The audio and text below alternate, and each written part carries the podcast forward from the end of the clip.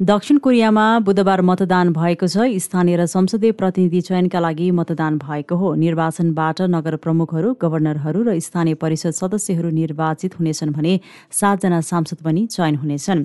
स्थानीय समयअनुसार आज बिहान छ बजे सुरु भएको मतदान बेलुकी छ बजेसम्म चलेको निर्वाचन अधिकारीहरूले जानकारी दिएका छन्।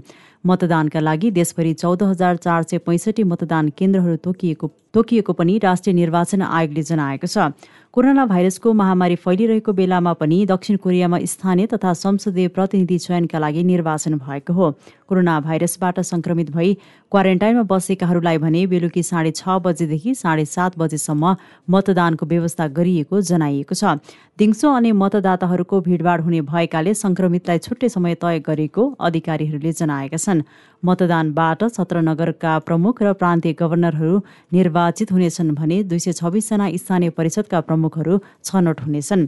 त्यसै गरी नगर परिषद सदस्य र प्रान्तीय परिषद सदस्य आठ सय चौबिसजना र स्थानीय परिषद सदस्य दुई हजार नौ सय सत्ताइसजना निर्वाचित हुने त्यहाँको निर्वाचन आयोगले जनाएको छ। दक्षिण कोरियामा स्थानीय र संसदीय प्रतिनिधि चयनका लागि यसअघि गत शुक्रबार र शनिबार पनि मतदान भएको थियो। रुसी सेनाले ओगटेको युक्रेनी सहर खेर्सनमा सम्पूर्ण सञ्चार माध्यम बन्द भएका छन्। सहरको सम्पूर्ण सञ्चार सम्पर्क विच्छेद भएको र केबलहरू विच्छेद गरिएको विशेष सञ्चार र सूचना संरक्षणका लागि युक्रेनको राज्य सेवाले एक विज्ञप्तिमा भनेको छ। यसो क्षेत्रका बासिन्दाहरूलाई हाल युक्रेनी मोबाइल सञ्चार र इन्टरनेट पहुँच बिना नै छोडिएको छ। साथै ल्यान्डलाइन फोन उपकरणहरू प्रयोग गरेर राष्ट्रिय र अन्तर्राष्ट्रिय फोन कल गर्ने कुनै माध्यम छैन राज्य सेवाले अगाडि भनेको छ। चौबिस फेब्रुअरीदेखि युक्रेन विरुद्ध हमला गरेको रुसी सेनाले पछिल्लो समय आफ्नो सम्पूर्ण शक्ति पूर्वी युक्रेनमा केन्द्रित गरेको छ। डोनेट्सक लुहान्सक लगायतका क्षेत्रमा रुसी फौज बढिरहेको छ। युद्ध अन्त्य गर्न यसअघि भइरहेका वार्ता प्रयास पनि अवरुद्ध भएका छन्। युक्रेनी राष्ट्रपति भ्लादिमिर जलेन्स्कीले आफू रुसी समकक्षी भ्लादिमिर पुटिनसँग प्रत्यक्ष वार्ता गर्न चाहेको बताउँदै आएका छन् तर क्रेमलिनले यसबारे खासै चासो देखाएको छैन। दुई महिनाको प्रतिबन्धपछि चीनको सहर साङ्घाईमा कोविड प्रतिबन्ध हटाइएको छ। देशको आर्थिक तथा विश्वव्यापी व्यापार केन्द्र साङ्घाईमा आजदेखि प्रतिबन्ध हटाइएको हो।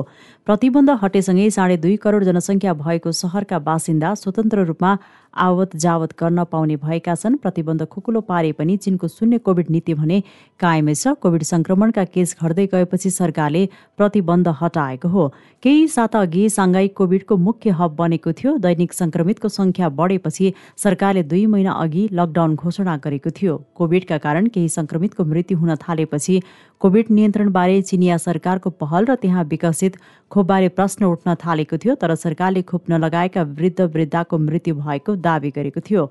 लामो समयदेखि लागेको प्रतिबन्ध हटेसँगै सर्वसाधारण र व्यवसायीहरू खुसी भएका छन् त्यस्तै प्रतिबन्ध हटाएकोमा सङ्घाई सरकारले पनि सन्तोष व्यक्त गरेको छ। यो त्यो दिन हो जसलाई हामीले धेरै लामो समयदेखि सपना देखेका थियौँ साङ्घाई सरकारका प्रवक्ता यिन जिनले पत्रकारहरूलाई भने। अमेरिकाको विद्यालयमा फेरि बन्दुक हमला भएको छ। मंगलबार न्यू अर्लिन्सको हाई स्कुलको स्नातक समारोहमा बन्दुकधारीले चलाएको गोली लागेर एक वृद्धाको मृत्यु भएको छ भने अन्य तीनजना घाइते भएका छन्। मोरिस जेफ हाई स्कुलका स्नातकहरू बेला भएको दीक्षान्त केन्द्र बाहिर गोलाबारी भएको न्यू अर्लियन्स प्रहरीले जनाएको छ। गोली लागेर घाइते भएका तिनैजना व्यक्ति स्नातक समारोहमा भाग लिन त्यहाँ आएका प्रहरी प्रवक्ता ग्यारी सेटले बताए गत मंगलबार टेक्सासको उबल स्थित रोब इलिमेन्ट्री स्कुलमा एक बन्दुकधारीले गोली चलाउँदा उन्नाइस बालबालिकासहित एक्काइसजनाको मृत्यु भएको थियो। अस्ट्रेलियामा नयाँ मन्त्री परिषद विस्तार गरिएको छ। नवनिर्वाचित प्रधानमन्त्री एन्थोनी अल्बानीले नयाँ मन्त्री परिषद विस्तार गरेका हुन्। लेबर पार्टीको नेतृत्वमा गठन भएको मन्त्री परिषदमा तीसजना मन्त्री भएका छन्। तीमध्ये तेह्रजना महिला रहेका छन्। आदिवासी समुदायको महिलातर्फबाट लिन्डा बर्नीले पहिलो पटक मन्त्रीको जिम्मेवारी सम्हालेकी छिन्। अस्ट्रेलियामा यसअघि आदिवासी समुदायबाट कुनै महिला मन्त्री बनेका थिएनन्। त्यसै गरी अस्ट्रेलियाको इतिहासमा अहिलेको मन्त्री परिषदमा पहिलो पटक मुस्लिम समुदायको प्रतिनिधित्व भएको छ। अहिले एकैपटकमा मुस्लिम समुदायका दुईजना मन्त्री बनेका छन्। प्रधानमन्त्रीको सचिवालयले दिएको जानकारी अनुसार एद हसिक र अन्ना अलीले मुस्लिम समुदायको प्रतिनिधित्व गर्दै मन्त्री परिषदमा सहभागी हुने ऐतिहासिक अवसर पाएका हुन्। त्यस्तै उप प्रधानमन्त्री मन्त्रीको जिम्मेवारी समेत पाएका रिचार्ड मार्लेसले रक्षा मन्त्रालय सम्हाल्नेछन् भने क्यालर ओनेईलाई गृह मन्त्रालयको जिम्मेवारी दिएको छ। अस्ट्रेलियाका नवनियुक्त मन्त्रीहरूलाई आज शपथ खुवाइएको छ। लेबर पार्टीका नेता एन्थोनी अल्बानी नेतृत्वको मन्त्री परिषदमा रहेका तीसजनालाई अस्ट्रेलियाका गभर्नर जनरल डेभिड होर्लीले शपथ खुवाएका हुन्। राजधानी क्यानबेरामा रहेको गभर्मेन्ट हाउसमा प्रधानमन्त्री अब्बानीको रोहबरमा उनले मन्त्रीहरूलाई शपथ खुवाएको जनाएको छ। प्रधानमन्त्री प्रधानमन्त्री अल्बानीले मन्त्री परिषदको कोषाध्यक्षमा जिम चालमरस विदेश मन्त्रीमा पेनी वाङ र अर्थमन्त्रीमा काते गल्लाघारलाई पहिलो दिन नियुक्त गरेका थिए। उनीहरू सबैले मे तेइसमा नै शपथ लिएका थिए। लेबर पार्टीले एक्लै बहुमत ल्याएपछि प्रधानमन्त्री अल्बानीले एकल मन्त्री परिषद गठन गरेका हुन्। देशका पाँच प्रदेशमा अझै पनि विदेशबाट आएका मतगणना भइरहे पनि बहुमत पुर्याउन आवश्यक पर्ने छयत्तर सिट जितिसकेकाले उनले मन्त्री परिषदलाई पूर्णता दिएका हुन्। लेबर पार्टीका नेता अल्बानी प्रधानमन्त्री भएको दस दिनपछि मात्रै मन्त्री परिषद गठन गरिएको हो। लेबर पार्टी यसअघि नौ वर्ष प्रतिपक्षमा रहेको थियो। श्रीलङ्का सरकारले सरकारी राजस्वलाई सन् दुई हजार उन्नाइसको स्तरमा पुर्याउनका लागि करको दर बढाउन पाँचवटा कर ऐन संशोधन गर्ने निर्णय गरेको छ। करको दर वृद्धिमा मूल्य अभिवृद्धि करहरू लगायत समावेश हुने अपेक्षा गरिएको छ। आन्तरिक राजस्व ऐन मूल्य अभिवृद्धि कर ऐन दूरसञ्चार लेबी ऐन सट्टेबाजी र गेमिङ लेबी ऐन जस्ता ऐनमा संशोधन गर्ने सरकारको निर्णय छ। यसअघि यस्ता ऐनका कारण सरकारी राजस्व लगभग पच्चिस प्रतिशतले घटेको मन्त्री परिषदका प्रवक्ता बन्दुला गुणवर्धनाले बताएका छन्। मन्त्री परिषदले सरकारको राजस्व बढाउने उद्देश्यले ऐनहरूलाई परिमार्जन गर्न आवश्यक विधेयक तयार गर्ने प्रस्ताव स्वीकृत गरेको गुणवर्धनाको भनाइ छ। श्रीलङ्काका पूर्व अर्थमन्त्री अली साब्रीका अनुसार दुई हजार उन्नाइसको अन्त्यमा लागू गरिएको कर कटौतीपछि करिब दस लाख करदाता गुमेका छन्। भारतको आर्थिक वृद्धि दर लगातार तीन त्रैमासिकमा सुस्ताएको तथ्याङ्क सार्वजनिक भएको छ। भारतको राष्ट्रिय तथ्याङ्क कार्यालयले सार्वजनिक गरेको तथ्याङ्कमा भारतमा जनवरीदेखि मार्च महिनासम्मको त्रैमासिकमा भारतको अर्थतन्त्र केवल चार दशमलव एक प्रतिशतले बढेको छ।